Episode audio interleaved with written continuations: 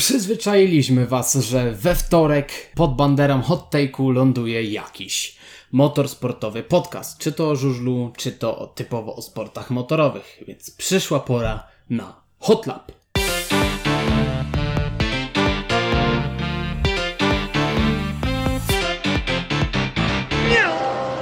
Po tej stronie Mateusz Lamch, a moimi gośćmi są e, Krzysztof Woźniak z Motowizji Dzień dobry wszystkim. i Grzegorz Piotrowicz, DTM Polska. Również dzień dobry wszystkim słuchaczom. Siemanko, panowie. E, pierwsze pytanie, a w sumie to ogłoszenie. E, warto ogłosić zwycięstwo zespołu esportowego Rebellion Williams Esports w wirtualnym Le Mans 24-godzinnym. A dlaczego? Dlatego, bo w składzie tego zespołu było dwóch Polaków, Nikodem Wiśniewski i Kuba Brzeziński. Razem z nimi w zespole byli Luis de Letras i Rafale Marciello. Oni jechali w klasie LMP, a więc w tej najwyższej klasie. Myślę, że możemy osobiście złożyć tym panom gratulacje, bo naprawdę, mimo że to jest wirtualne Le Mans 24 godziny, to i tak jest to naprawdę duży wyczyn. No tak, zdecydowanie. Też e, no, trzeba przyznać na początku, że wiadomo, tam większość faworytów miała jakieś problemy, czy to techniczne, czy to jakieś e, wypadki, natomiast załoga numer 1 Rebeliona i Williamsa bezpiecznie przejechała cały wyścig, chociaż też z drugiej strony jedna czerwona flaga wywołana problemami z serwerem sprawiła, że stracili 2 minuty przewagi. A w końcówce musieli po prostu dbać o to, aby, aby im paliwa starczyło. Ale faktycznie to jest e, niezwykłe osiągnięcie i to też jest potwierdzenie tego, że Kuba i Nikodem to jest e, światowy top, jeżeli chodzi o sim racing w tym momencie. W zeszłym roku, kiedy wirtualna seria Le Mans, ponieważ jest coś takiego jak Le Mans Esport Series, miała jeden wyścig na Autosport International Show. To był wyścig, e, który miał zapewnić awans do fazy finałowej. E, I to był wyścig na Forzie Motorsport. Chłopa nasi chłopacy nie mieli z nim doświ doświadczenia z tą platformą, ale i tak pojawili się tam i wygrali to. Więc to naprawdę pokazuje, to jest kolejny sukces e, tej dwójki. No oczywiście też brawa dla Marcello i Della Treza, ale jak sam e, Rafale przyznał w nocy, okej, mój stream był dobry, ale to co robił e, Nikodem było niesamowite. Jednak widać było, że ci simracerzy mają przewagę nad tymi kierowcami profesjonalnymi i to też e, cieszę się z, chociażby z tego, że to pomoże im rozpozna e, w rozpoznawalności. Jestem pewien, że jutro na większych portalach zobaczymy, że Polacy wygrali Le Mans, w którym jechali Verstappen, Norris, Leclerc i inne gwiazdy motorsportu, tak więc to z pewnością dużo im da, jeżeli chodzi o e, zbudowanie statusu i mam nadzieję, że też e, w przyszłości to wykorzystają. Tak, e, ja też tak dodam właśnie od siebie, że oczywiście mieliśmy tutaj e, świetną za, właśnie załogę w postaci e, Nikodema Wiśniewskiego, Kuby właśnie Brzezińskiego, a także prawdziwych kierowców, że tak powiem, e, rzeczywistych kierowców, czyli Deletraza, a także Marcielo. No ale też mieliśmy w drugim Rebelionie właśnie Dawida Mroczka, z kolei też w ekipie Veloce Esports, która jest też taką jedną z największych e-sportowych ekip na świecie. E, Mieliśmy też e, Tomka Poradisza, który jest e, troszkę młodszy właśnie od wcześniej wymienionej, wymienionych kierowców. Jest I dużo myślę, młodszy, ma też 14 zasługuje lat. Na, właśnie na uznanie, na brawa. Myślę, że właśnie y, fajnie by było, gdyby ten wynik w Le Mans y, był takim y, punktem zapalnym po, po, zwiększenia popularyzacji wyścigów ogólnie e-sportu w Polsce, bo jednak mamy kilku zawodników, którzy właśnie odnoszą sukcesy właśnie, czy to w wyścigu właśnie organizowanym przez WEC, czy to w takich y, mniej poważnych, e, powiedzmy, zawodach e, portalu The Race i jeszcze w kilku innych, ale jednak się o nich dużo u nas w kraju nie słyszy. Przydałoby właśnie się, przydałoby się właśnie to, żeby, no, żeby dzięki temu to się jakoś stało nas bardziej popularne. To byłoby sobie rzeczy jak najbardziej. No też e, w tym wyścigu było, były ukazane wady platformy, na którym się odbywał, tak? R-Factor 2 to tutaj możemy powiedzieć, że fajnie, że są dodatki przykładowo różnego rodzaju do tej gry, ale sama platforma na takie wyścigi, no, jest średnim pomysłem w sumie. Zgodzicie się ze mną chyba. E, na pewno jest lepszą do sim racingu niż F1 2019, drogi Mateuszu. Umów, umówmy się, wszystko jest lepsze od sim do sim racingu niż F1 2019 lub każda kolejna część lub poprzednia część F1. No dobra, no biorąc pod uwagę twoje tutaj ligi różne, to śmiem wątpić w twoją opinię, ale okej. Nie no, Spokojnie, Krzysiek, spokojnie, spokojnie. Prawdopodobnie w RGL-u to będzie ostatni sezon na F1, także E, na całe nie wiem, szczęście. jak, nie wiem co pokaże przyszłość, ale jest na to duże prawdopodobieństwo. Na całe szczęście, a już tak e, kompletnie poważnie, to chyba każda osoba jakkolwiek związana z tematem była świadoma tego, że coś złego się wydarzy. I niestety się wydarzyło. E, oczywiście mieliśmy te kilka resetów serwera, mieliśmy kilka sytuacji, że no były jakieś tam problemy ze zmianą kierowców, były jakieś bugi. No wiadomo, R-Factor 2 nie jest perfekcyjny, ale też z drugiej strony ciężko znaleźć coś, co dawałoby organizatorom tak duże możliwości, aby promować się, bo to jest kwestia przystosowania także torów, samochodów samych, Forza? do tego jak, jak e, chcą, żeby wyglądał dany event. Plus też no, na przykład Assetto Corsa nie ma cyklu dobowego samego w sobie. Jest to oczywiście modyfikacja, która pozwala na to, a jednak przy organizacji takich wydarzeń to chcesz po prostu mieć jak najbardziej bazową grę. Chcesz też móc współpracować z autorem tej gry, aby mógł wprowadzić jakieś symulatora raczej, przepraszam. Eee, z autorem tej platformy symulato symulatora, aby wprowadzać jakieś poprawki. Na przykład jeżeli chcesz, żeby coś było inaczej, to możesz wtedy prowadzić. Ta współpraca jest na, e, bardzo istotna, na przykład Kuno Simulazione już e, nie wspiera Assetto Corsy tak naprawdę. E, Project Cars też nie nadaje się do takich, tego typu eventów, bo nie da się przystosować torów na przykład. E, też dodawanie torów, e, aut e, jest dosyć utrudnione obecnie, więc tak naprawdę Factor 2 był jedyną opcją, taką w miarę realistyczną. E, Studio 3, 397 w ostatnich dniach próbowało tam na siłę coś naprawić, ale no jak widać nie do końca wyszło, bo wciąż mieliśmy bugi różne. Ale przede wszystkim E, znakomicie to wyglądało. Przepraszam ci, Grzegorz, że jeszcze przerwę, ale znakomicie to Spokojnie. wyglądało. Czuć było realizm, było parę błędów, ale jak e, Jim Broadbent mówi, wyścigi są wirtualne, ale emocje są realne i to mogliśmy poczuć, zwłaszcza my tutaj Polacy.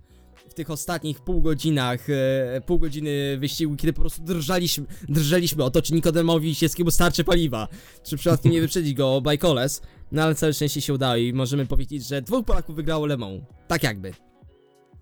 No i E, piękna właśnie, odnośnie tej otoczki, tak, też właśnie dodam, że właśnie, okej, gra była, e, sama platforma R Factor 2 nie jest najlepszą e, platformą na to i to udowodniła właśnie i ta kończąca się właśnie edycja wyścigów Le Mans, a także poprzednie tego typu imprezy, bo jeśli kojarzę też jakiś e, rok temu, też dwa lata temu była też podobna impreza i tam, e, jeśli chodzi o serwery, to była tragedia, więc tutaj e, organizatorzy wyciągnęli jakieś, wyciągnęli jakieś wnioski, to jest raz. Ale dwa, właśnie ta otoczka była świetna, bo właśnie no, jeden z koszykarzy francuskich machający zieloną flagą, który był pięknie naprawdę wklejony w, w obraz gry, to było coś naprawdę, coś co mnie szczerze zaskoczyło. Też yy, studio, które tam yy, było we Francji, bodajże w Paryżu, bo to yy, też chyba produkował Eurosport, to naprawdę było świetnie wykonane, bo mieliśmy właśnie pełny skład komentatorski, mieliśmy pełny skład ekspertów, a także mieliśmy nawet y, reporterkę w Pitlane, która się łączyła online y, z zawodnikami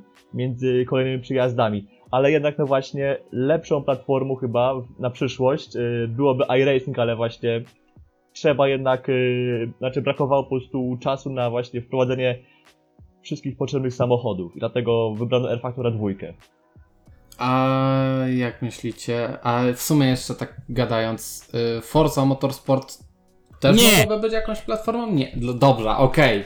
Dobra, okej, Przez nie, odpa- odpaliłeś przez się. fizykę Dobra, raczej nie. nie. Nie krzyż na mnie. Ciszysz, spokojnie.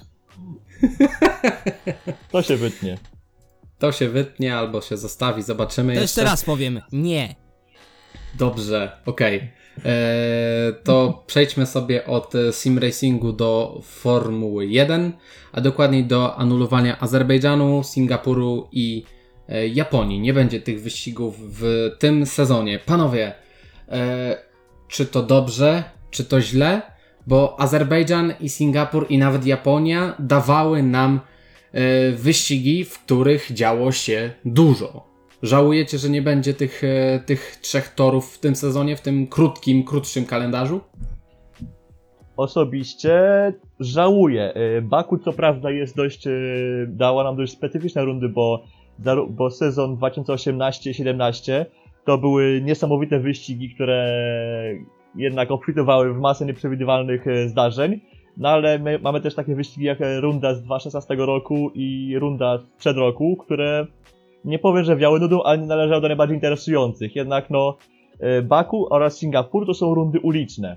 I wiadomo, że no, to nie jest tak, że mamy już gotowy tor, tylko trzeba go zbudować, trzeba poświęcić czas, wydać pieniądze, aby to wszystko przygotować, więc y, po prostu władze lokalne, a także też promotorzy może po prostu dosz- doszli do wniosku, że jednak y, obe w obecnej sytuacji organizacja wyścigu może być zbyt, zbyt trudna. I tak samo pewnie jest z Grand Prix Japonii, że jednak też uznali, że restrykcje na, e, nałożone na możliwości podróżowania, przemieszczania się między krajami też y, no, miały tutaj duży, były tutaj dużym czynnikiem i no, sprawiły, że jednak y, Suzuka musiała odmówić tegorocznej rundy.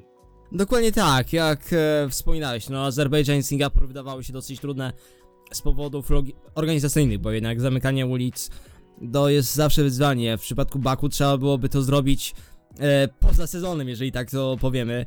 No też złośliwi mogą powiedzieć, że kto się przejmuje takimi rzeczami jak dobro mieszkańców w Azerbejdżanie, ale no bądźmy szczerzy. Mm, jeżeli wyścig jest bez, bez kibiców, a to jest wyścig do którego trzeba wydać sporo pieniędzy, aby go przygotować w ogóle, to jest pytanie, czy się opłaca. E, mieliśmy mieć DTM na Norris Ringu w lipcu, no ale nie będziemy mieli. Tutaj rząd akurat e, lokalny nie, nie wyraził zgody na to. No ale też pojawia się pytanie, czy to by miało sens, że tutaj wydajemy masę pieniędzy tylko po to, aby zamknąć kilka e, ulic w mieście, po to, aby miasto pokazało się ok w telewizji, ale nie możemy sprzedać biletów, E, żadni turyści się nie pojawią, więc też nie wydadzą żadnych pieniędzy, nie wiem, na hotele, na restauracje, na cokolwiek. Więc gdzie jest zysk? Gdzie jest zysk? Tym bardziej, że i tak trzeba zapłacić Formule 1 za to, aby łaskawie się pojawili u nas. E, w przypadku właśnie Singapuru i Baku.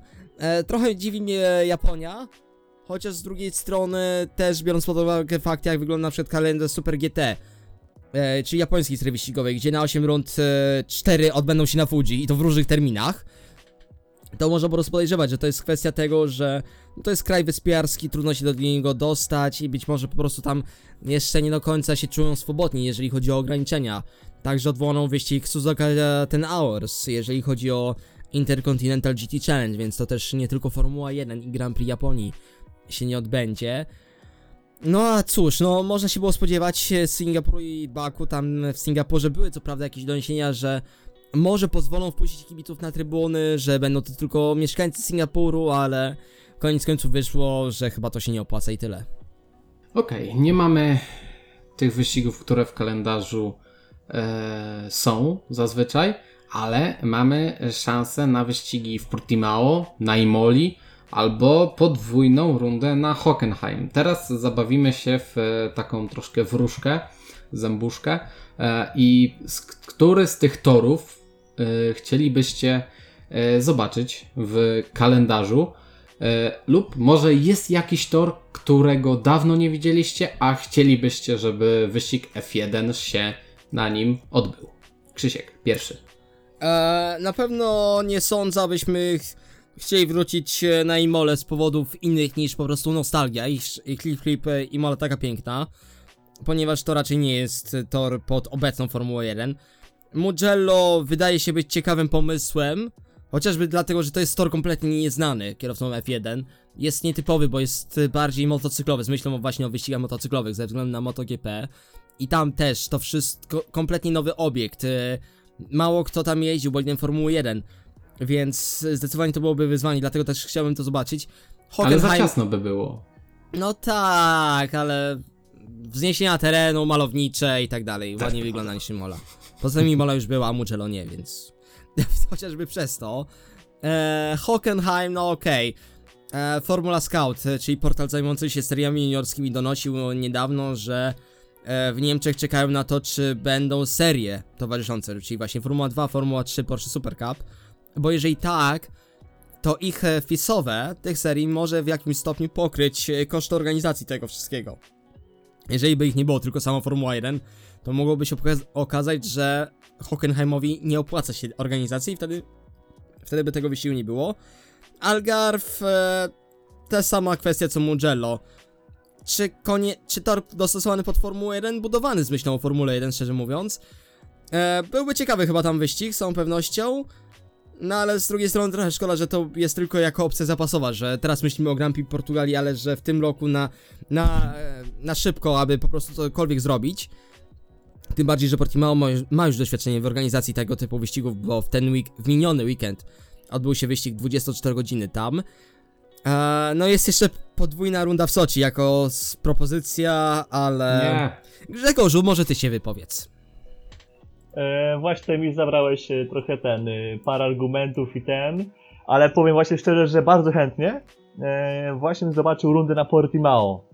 Nie ukrywam, jednak tak jak powiedziałaś, ten tor był budowany z myślą o Formule 1, a no widzimy tam jedynie właśnie superbajki, czy też właśnie e, 24 Hour Series. I właśnie osobiście chętnie bym zobaczył właśnie rundę właśnie Grand Prix Formuły 1, a także serie towarzyszące, bo sam jestem ciekaw jak ten tor by się spisał. Yy, To jednak jest dość yy, nam nie, niezbyt znany obiekt, yy, jeśli chodzi o właśnie bolidy jednomiejscowe. Fajne jest to, że właśnie, że ten tor właśnie ma chyba dość ciekawe zaplecze i dość dobrą infrastrukturę właśnie wokół toru. A także bardzo się podoba to, jestem ogólnie wielkim fanem właśnie różnicy wzniesień na, tor, na torach. I jakby to jest taki jeden z moich głównych argumentów, dla których y, chcę zobaczyć po prostu Formułę 1 na Portimao, bo jednak y, nawet jeśli ta rywalizacja może nie być jakaś y, szczególnie interesująca, szczególnie na czele stawki, to przynajmniej możemy y, zobaczyć jakieś bardzo, kilka takich naprawdę interesujących widoków i pejzaży, krajobrazów i tak. Co do Mugello, to osobiście nie jestem za bardzo chętny na wyścig na tym torze, bo jednak y, do motocykli ten tor jest świetny. MotoGP, a także dwie niższe klasy mają tam naprawdę fenomenalne wyścigi. Jak widzimy przecież Moto3 w ostatnich kilku latach tam po prostu mają fotofinisze y, na 10 zawodników, jeden, obo, jeden, jeden obok drugiego. I to jest naprawdę coś niesamowitego. Jak też ci zawodnicy właśnie w, w tych szykanach y, i się tasują. W Formule 1 obawiam się, że obecne bolidy mogą być y, zbyt szerokie i też no może być za mało miejsca na wyprzedzanie w niektórych miejscach i obawiam się, że poza właśnie dohamowaniem do San Donato, do pierwszego zakrętu, to możemy nie zobaczyć zbyt wiele akcji. Co do Imoli, e, to trochę może chętniej bym zobaczył niż Mugello, ale też e, tak, no tak średnio bym powiedział. Więc tutaj najbardziej po prostu stoję przy, przy Portimao. No dobra, ale y, jakbyście mieli wybrać jakikolwiek tor, na którym chcielibyście zobaczyć F1, załóżmy, że w tym sezonie po prostu to jaki byście wybrali. Tak, po prostu popro- pod, podajcie dwa tory, tak? Dlaczego by nie? Takie kompletnie randomowe, kompletnie nie Tak. biorąc pod uwagę fakt e, licencji. Tak. Bez, bez E. Bristol tak. Motor Speedway, O, Daytona Motor Speedway. Daytona International Speedway jak już. International, przepraszam, International. International. I Pocono. Nie no, a, ta, a tak poważnie już, no nie wygłupiajmy się. Okej, no żarty żarcikami, ale tak poważnie. Dobrze by byłoby zobaczyć powrót na Hockenheim Ring najlepiej na stałe. Ehm, no oczywiście tutaj, nie no, nie, nie powiem Tor Poznań, bo nie nadaje Silesia się. Ring. Eee, jestem ciekaw, jak wyglądałby wyścig w Bahrajnie na innej konfiguracji, bo jest taka możliwość, ten Właśnie, oval style. Tak, tak, Z tak. jakiegoś powodu gaz, nazywany. Gaz w podłodze, gaz w podłodze na, tym, na, tym, na tej drugiej nitce, to by było bardzo ciekawe rozwiązanie, naprawdę. No, i to, to, o, to jest ten tor, który bym chętnie zobaczył i bym zobaczył jeszcze... A skoro utrzymujemy to w takim temacie, w takiej tematyce, to Monze bez pierwszej szykany. O Boże. Wow, dość, y, dość odważnie. Yy, moje, moje takie typy. Nie wiem czemu mam dość mocny sentyment do toru Fuji. No, I pff, na tym torze. Na tym torze nie wiem czemu bym chętnie zobaczył Formułę 1. Oczywiście tej konfiguracji? wiadomo, że z tym trzecim sektorem? właśnie chyba bez szykany, bez szykany. Albo może z, ciężko, ciężko tutaj właśnie osobiście powiedzieć, bo chyba szykana aż takiej szczególnej różnicy tutaj nie ten, y, by nie zrobiła, ani jej brak. A tak, y, co jeszcze bym mógł dodać? Nie wiem, myślę, czy tor Losail? To byłby Nie, coś, y, nie, nie. trochę właśnie taki niekonwencjonalny pomysł, ale czemu nie? A tak szczerze mówiąc to właśnie Szczerze innych pomysłów nie ma, bo, tu, bo też nie ma zbyt wielu takich torów, które by miały jakąś realną szansę zagościć Formułę 1, tak? Jeszcze taki ostatni typ, może bym pomyślał o to, że Aragon w Hiszpanii. Bo to jest taki jeden z takich e, ciekawszych obiektów e, w tymże kraju. No, a, a propos właśnie y, a Motorland Aragon i tak dalej, i tak dalej, to w lipcu startuje MotoGP. Panowie, nie możecie się doczekać MotoGP. Zaczynamy od Jerez. Dwie rundy na Jerez, potem Brno, potem dwie rundy w Austrii, dwie rundy na Mizano, jedna Barcelona, jedna Francja, podwójny Aragon, podwójna Walencja. Jak na razie E, tak to wygląda. Nie możecie się doczekać powrotu dwóch kółek? Przez wiele lat śmialiśmy się, że MotoGP to staje się powoli mistrzostwami Hiszpanii, a nie mistrzostwami świata. E, I w tym teraz roku rzeczywiście tak się teraz chyba stanie, biorąc pod uwagę, pod uwagę jak wygląda kalendarz. No ale wiadomo, śmiejemy się, że 8 rund, bodajże na 13 to jest Hiszpania, tam jeszcze są pomysły, aby tam zrobić jakieś zagraniczne, typu właśnie Argen... chyba jest USA? Krzysztofie, Co to jest tak, widzę, że tutaj w planach prowizorycznie widnieje e, Circuit, e, Circuit of the Americas, po czym właśnie Argentyna, Tajlandia i Tor Sepang miały być e, grande finale e, tego Znaczy, sezonu. to nie jest dokładnie tak, który miałby być kiedy, tylko po prostu zrzucili te tory i po prostu szukają dat.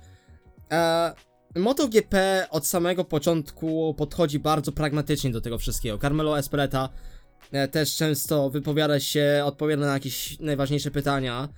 Było też na początku to było w ten sposób, że oni po prostu, okej, przykładamy ten wyścig i on będzie wtedy i wtedy. No ale potem okazało się, że o, musimy przełożyć ten wyścig. I ten. I tamten. I w pewnym momencie po prostu powiedzieli sobie, dobra, walić to, damy wam cały kalendarz jak, jak będzie można. E, I no od paru miesięcy pojawia, od dwóch miesięcy jakieś, pojawiały się sugestie o podwójnym Heres. Z pewnością będzie to ciekawy sezon. Tak samo jak Formuła 1, bo będzie nietypowy. E, zobaczymy co to będzie, duża przerwa. Też dużo i tak się wydarzyło od e, ostatniego sezonu, więc no cóż, tak czy siak, wydaje mi się, że będzie ciekawy, tym bardziej, że to jest MotoGP. E, To ja tak dodam, e, taka ważna rzecz, bo jak najbardziej mam tutaj ogłoszone rundy właśnie dla trzech głównych klas, czyli MotoGP, Moto2 i Moto3, ale też warto wspomnieć, że właśnie podczas podwójnego Jerez, podczas podwójnego Toru Mizanu, a także e, podczas wyścigu na Le będziemy też mieli klasę Moto E.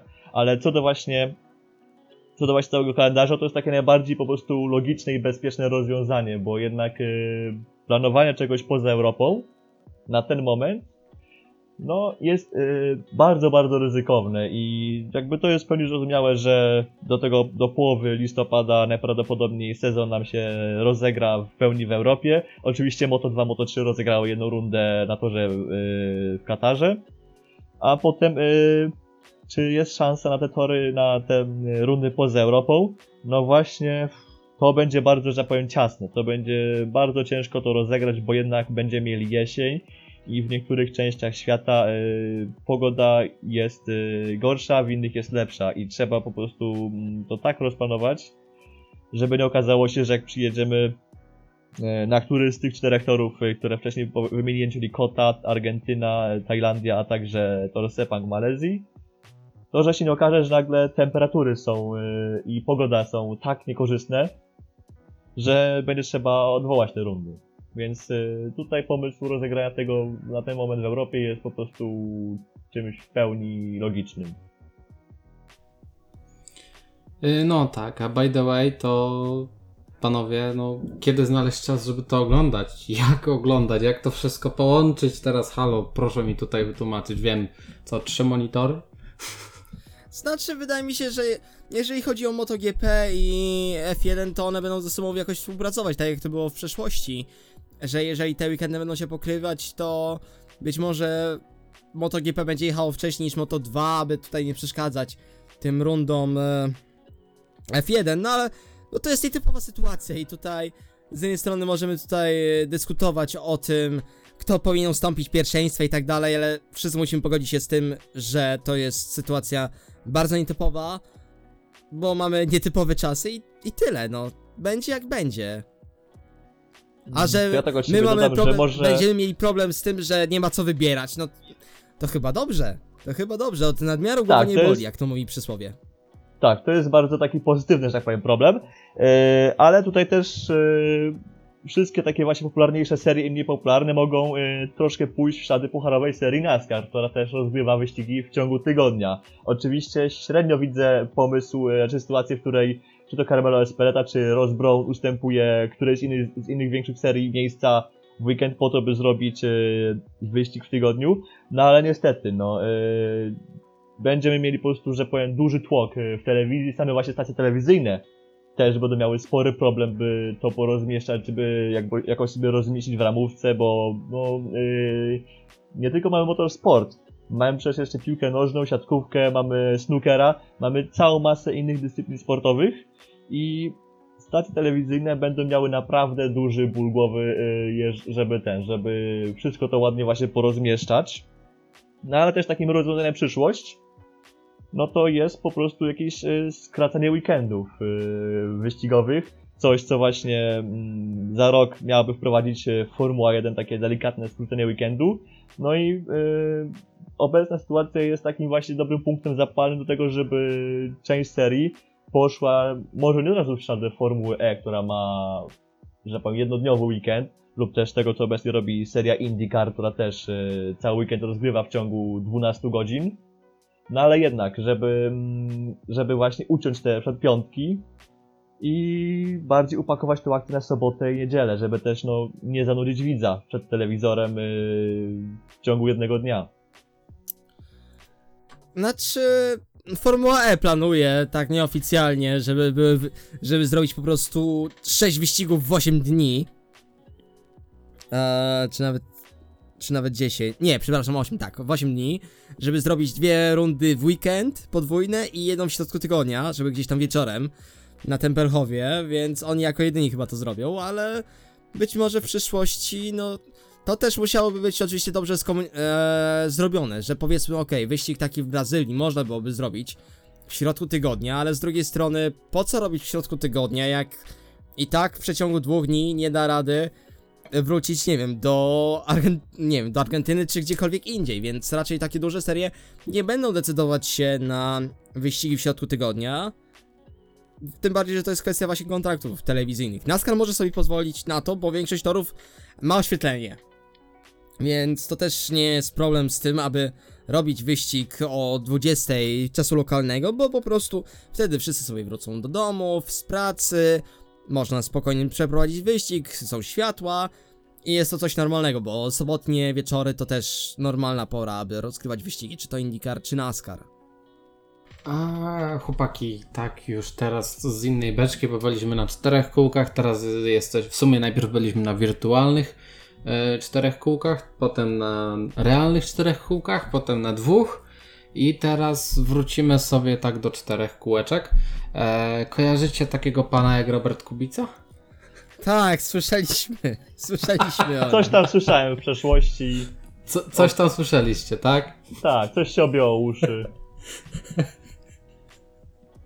E, to super, e, to super. Mm, Były testy DTM-ów, a więc e, niemieckiej e, serii samochodów e, turystycznych e, na torze Nürburgring i tutaj pytanie w sumie głównie do Grzegorza, ale też do Ciebie Krzysiek.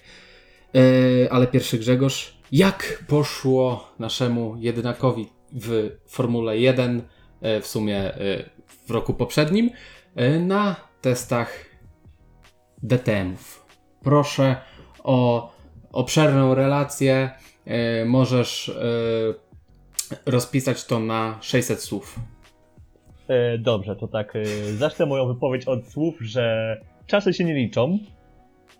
A tak, a tak teraz zupełnie poważnie, to... Ale czasem się liczą. Czy czasy, czasy się czasem liczą, a czasem się czasy nie liczą. To, To zależy, to. to. zależy na której pozycji yy, widnieje kierowca, który, o którym mówimy. To jest jakby taka, to jest taka najważniejsza podstawa, tak przynajmniej wywnioskowałem według yy, niektórych blogów i portali. Yy, a tak teraz zupełnie szczerze, to yy, trzeba trzeba wziąć to pod uwagę, że w stawce DTM jest y, sporo kierowców, którzy już mają naprawdę dość dużo doświadczenia mm, w tej serii i znają specyfikę tego samochodu, znają, te, znają specyfikę tego formatu, w jaki DTM rozgrywa y, swoje mistrzostwa, a także poszczególne weekendy.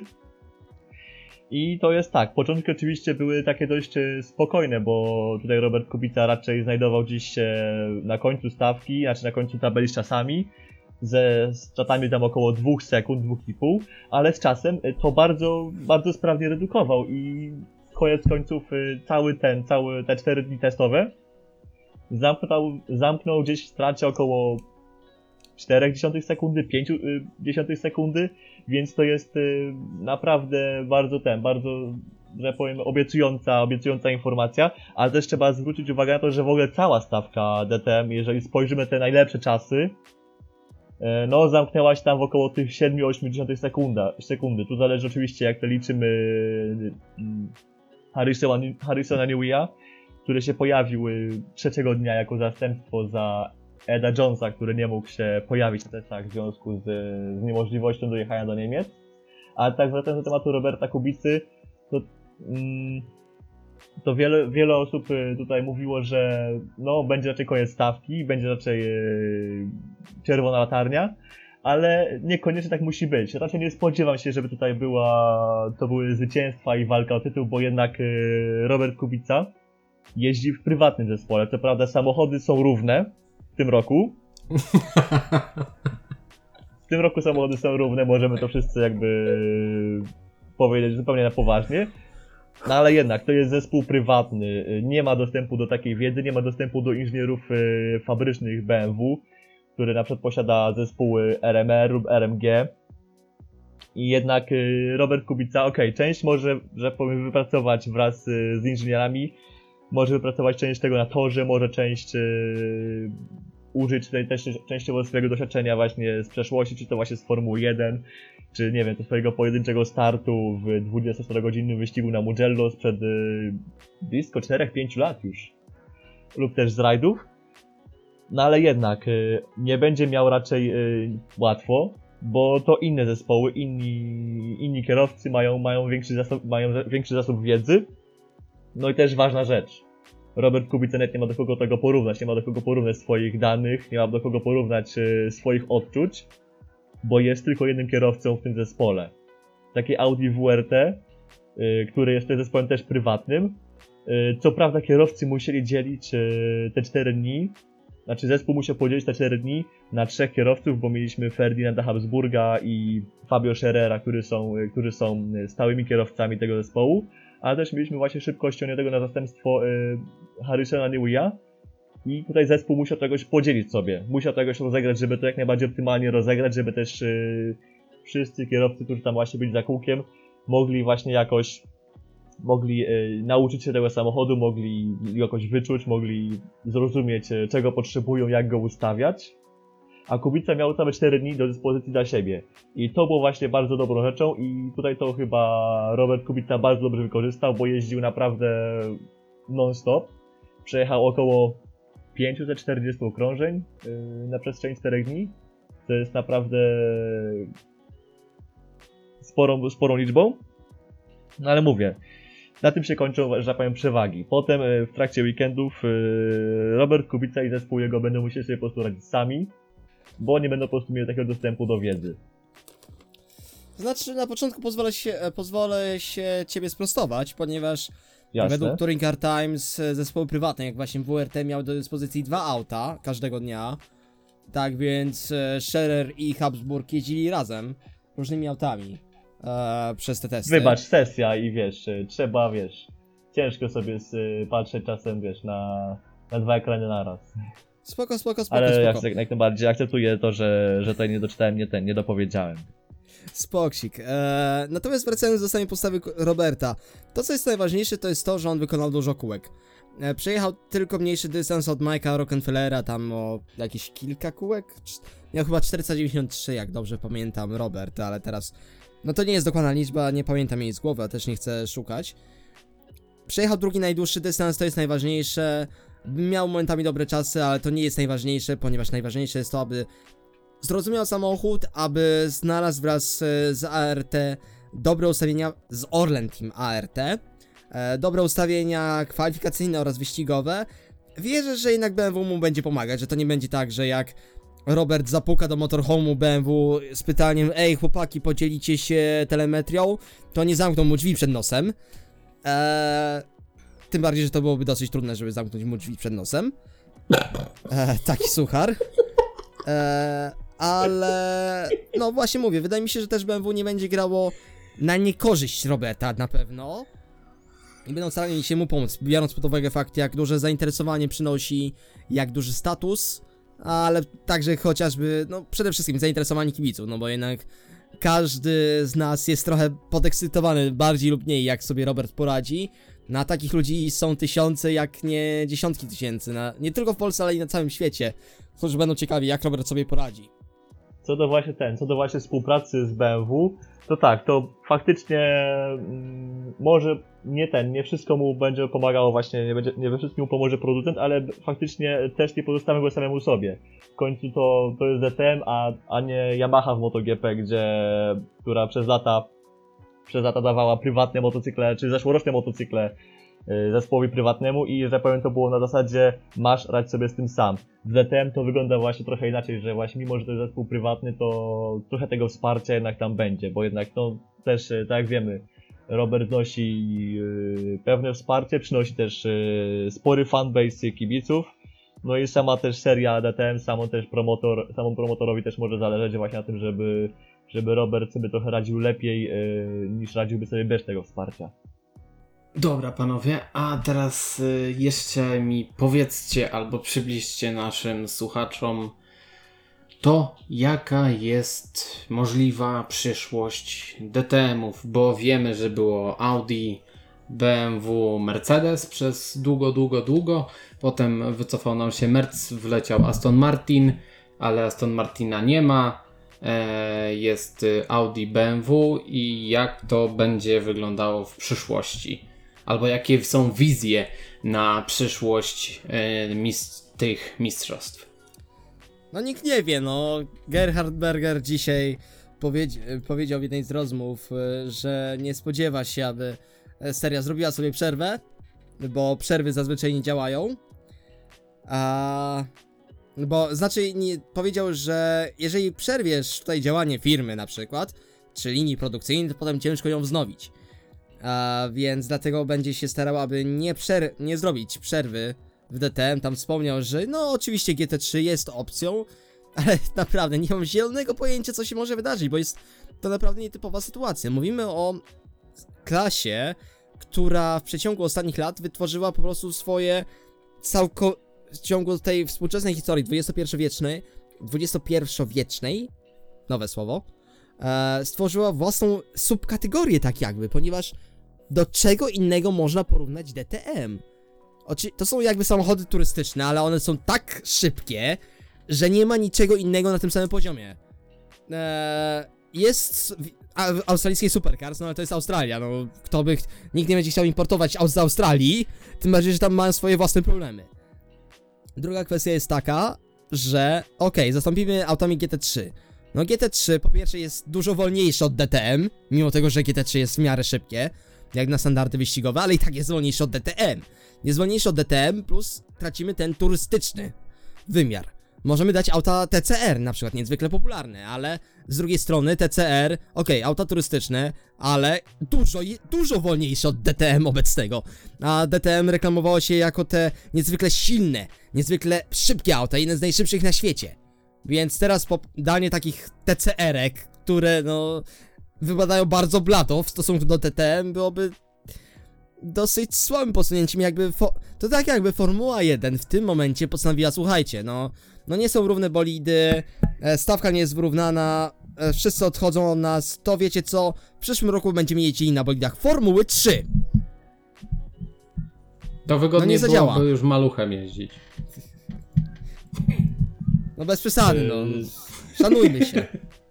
Ja tak dodam właśnie, że raz problemem jest to, że właśnie platforma GT3 oraz TCR są znacznie wolniejsze, a dwa, że też mogą wystąpić pewne konflikty interesów. Yy, No nie oszukujmy się, jest oprócz DTM w Niemczech, y, niezwykle popularna jest seria ADAC GT Masters i y, panowie z ADAC podobno dość niechętnie patrzą na, na to, że na, na ten, na pomysł przejścia DTM z platformy Class 1, z której też korzysta obecnie klasa GT500 Super- GT w Japonii, na klasę właśnie, na tę, na platformę GT3, może z dodatkiem klasy GT4, no jednak właśnie ADAC na to bardzo, bardzo krzywo patrzy, a to, to jest taka, że powiem, to jest takie najprostsze rozwiązanie, bo jednak ym, właśnie innym pomysłem, no to właśnie miałoby być y, takie przerwanie działalności, ale tutaj też Gerhard Berger powiedział, że to przerwanie działalności i ewentualne powrócenie za parę lat y, z technologią elektryczną lub też wodorową,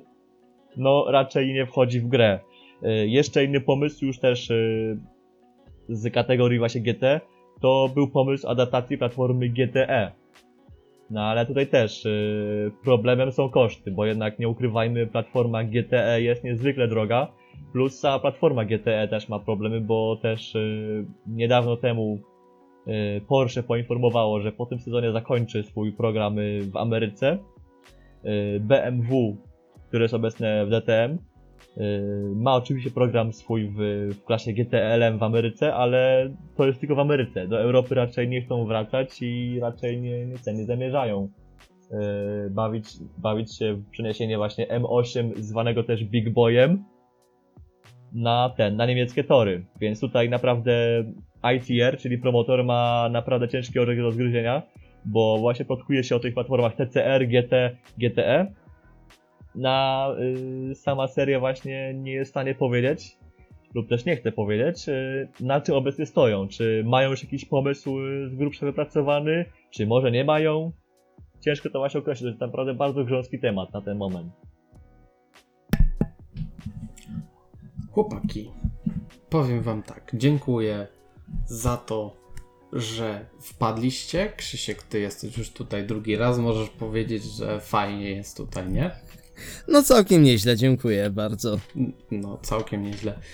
Grzesiek, ty ja jesteś tutaj dzisiaj debiutantem, ale myślę, że poszło ci fajnie i może, może jak będę dla ciebie miły i ty dla mnie, to może będę cię zapraszał częściej. Co ty na to? Ja myślę, że to jest bardzo fajny układ, też jak najbardziej. Dziękuję Tobie, a także Krzyszkowi i Aleksowi za możliwość, e, za możliwość pojawienia się w tym zacnym podcaście, bo też, e, nie ukry- bo też jak mi wiadomo, też tutaj Krzysiek e, bardzo Ci, bardzo Ci ciepło mnie zarekomendował, za to też e, ponownie chcę podziękować. Ja myślę, że, że ja to jak na lato, nie? Czas pokaże. No i super. I super. I pewnie nie możesz się doczekać do y, y, linku do Spotify'a, do naszego podcastu, bo zawsze jak wrzucam YouTube'owy, to zawsze mówisz daj link do Spotify'a. Zawsze, Także- dopiero wyszły dwa odcinki, dopiero wyszły dwa odcinki, ale powiem szczerze tak, Żużelek też sobie przesłuchałem parę dni temu. E, Pierwszy podkaścik e, specyficznie twój, e, w sensie już Hotlapa przesłuchałem od razu. I tutaj na Mhm. bliższy odcinek myślę, że naprawdę bardzo chętnie od razu przesłucham. Nie tylko po to, żeby, No ja też. żeby nie tylko po to, żeby scringe'ować z tego, jak kiepską jakość mikrofonu posiadam, ale też e, po to, żeby scringe'ować e, z tego, jak bardzo odstaję poziomem wiedzy od, e, od Krzyśka. Dobra, spokojnie, wszystkiego, wszystko idzie wytrenować. Także panowie, bardzo dziękuję. Moimi gośćmi był, byli Krzysztof Woźniak, Motowizja Dzięki wielkie. i Grzegorz Piotrowicz, DTM Polska. Dziękuję pięknie, pozdrawiam wszystkich. A prowadził to dla Państwa Mateusz Lamch i zapraszam na nasze hot take'owe platformy, czy to YouTube, czy to Spotify. Możecie nas obserwować też na Instagramie, na Twitterku, na Facebooku. Wszędzie jesteśmy. Możecie też odwiedzać naszą stronę internetową, bo tam też czasem coś się od nas pojawia. Także miłego dnia, wieczoru, czegokolwiek w momencie, którym to słuchacie. Siemanko.